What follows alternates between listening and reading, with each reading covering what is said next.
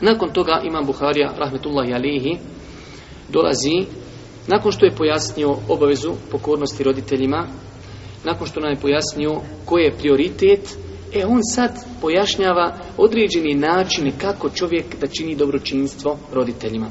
Pa imate predaju koju ćemo se ako Bog da malo zaustaviti, nećemo dužiti. Taj Sala ibn Mejas priča, bio sam sa sljedbenicima Neđda.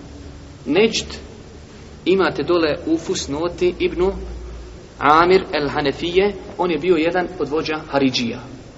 Kaže ovaj insan, bio sam, kaže ja, sa tim ljudima, sljedbenicima od tog Neđda. Kaže, i uradio sam s njima, po mom mišljenju, velike grijehe. On priča o sebi, kaže, ja sam bio sa tim ljudima, pa sam uradio određene grijehe. Ja, kaže, smatram za te grijehe da su oni veliki grijesi. Pa nastavlja, to sve sam ispričao Ibnu Omeru. Spomenuo mu grijehe, ispričao mu šta se desilo, pa mu kaže Ibnu Omer, nisu to veliki grijesi, njih ima devet.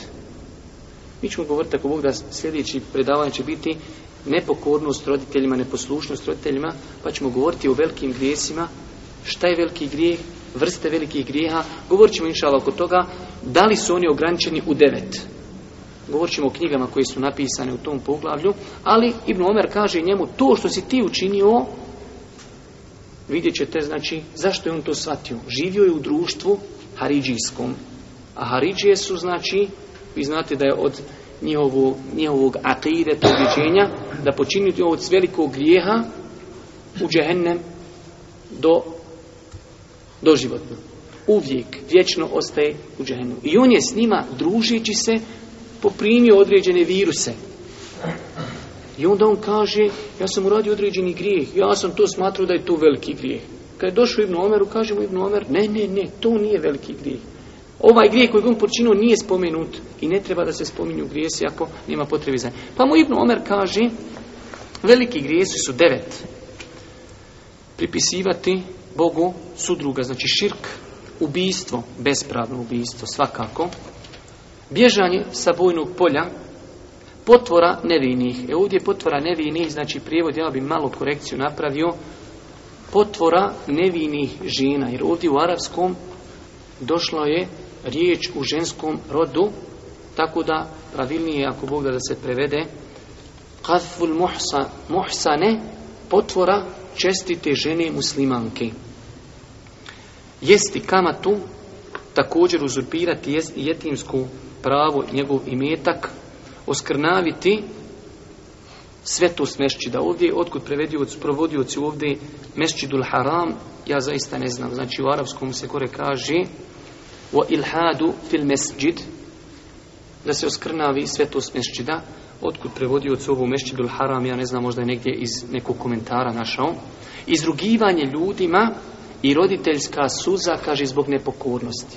Zato je Ibnu, e, zato je Imam Buharija spomenuo ovu predaju u ovom poglavlju, braću moja draga, ovdje gdje kaže roditeljska suza zbog nepokornosti. I onda kaže Ibnu Omer, govorit ćemo ako Bog da sad komentar, sad ćemo malo ovu predaju iz početka, li se ti, kaže, vatri i želiš li džernet? No kako ne želim, svakako da želim, to je cilj svakog čovjeka mu'mina. Kaže, Jesu li ti roditelji živi? Pogledajte, Ibn Omer po drugi put. Čemu znači su tu naučili od Božih poslanika? Kod njih ti je roditelj, njegovo mesto je veliko svijeto. Počinješ bilo kakav gdje, prvo se te pita, imaš li roditelja? Imam. Samo kod njih, njima čin dobročinstvo, to briši, habibi, ne more ništa bolje obrisati. Kaže, jesu li roditelj živi? Kaže, samo majka. Kaže Ibn Omer, tako mi Allaha. Kad bi joj se blagim riječima obraćao, i kad bi, kad bi je znači hranio ovdje prevedeno kada bi je izdržavao sigurno bi ušao u džennet ukoliko se bude čuvao velikih grijeha i ova stvar znači zbog toga je citirao Imam Buharija također ovaj hadis gdje on kaže poglavlje blage riječi roditelju način dobročinstva roditelju jeste jedan od načina blagobraćanja. obraćanja dosta se puta dešava da roditelj nije potreban i metka ali roditelju potrebna pažnja. Roditelju potrebna blaga riječ. Da sa njim porazgovaraš, da ga nazoveš, da ga upitaš. I vidjet ćemo još neke ovaj, primjere koje imam Buharija, rahmatullahi alihi, spomenuo. Braću moja draga, ova predaja, u njoj bi se moglo toga mogu kazati, ali mi ćemo skratiti, jer ja sam evo uzeo sebi malo sa obavez da malo brže idemo preko ovih predaja. Pogledajte ovog čovjeka, družuje se sa ljudima, i od njih je poprimio određene viruse. Zato islamski učenjaci kažu čovjek u životu treba da pazi ko će mu biti prijatelj. Lov poslanik kaže u disu, hadisu, čovjek je na vjeri svoga prijatelja. Nemojte, braćo moja draga, da se igra neko i da glumi heroja.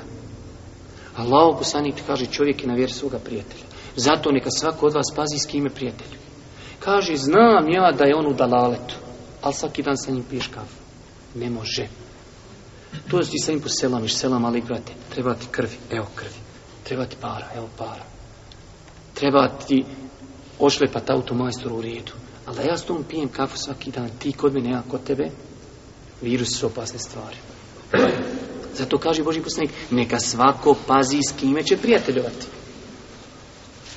I ovaj čovjek, Allah mu ukazao rahmet i milost da je otišao Ibnu Omeru. Pa mu Ibn Omer rasvijetlio određene stvari.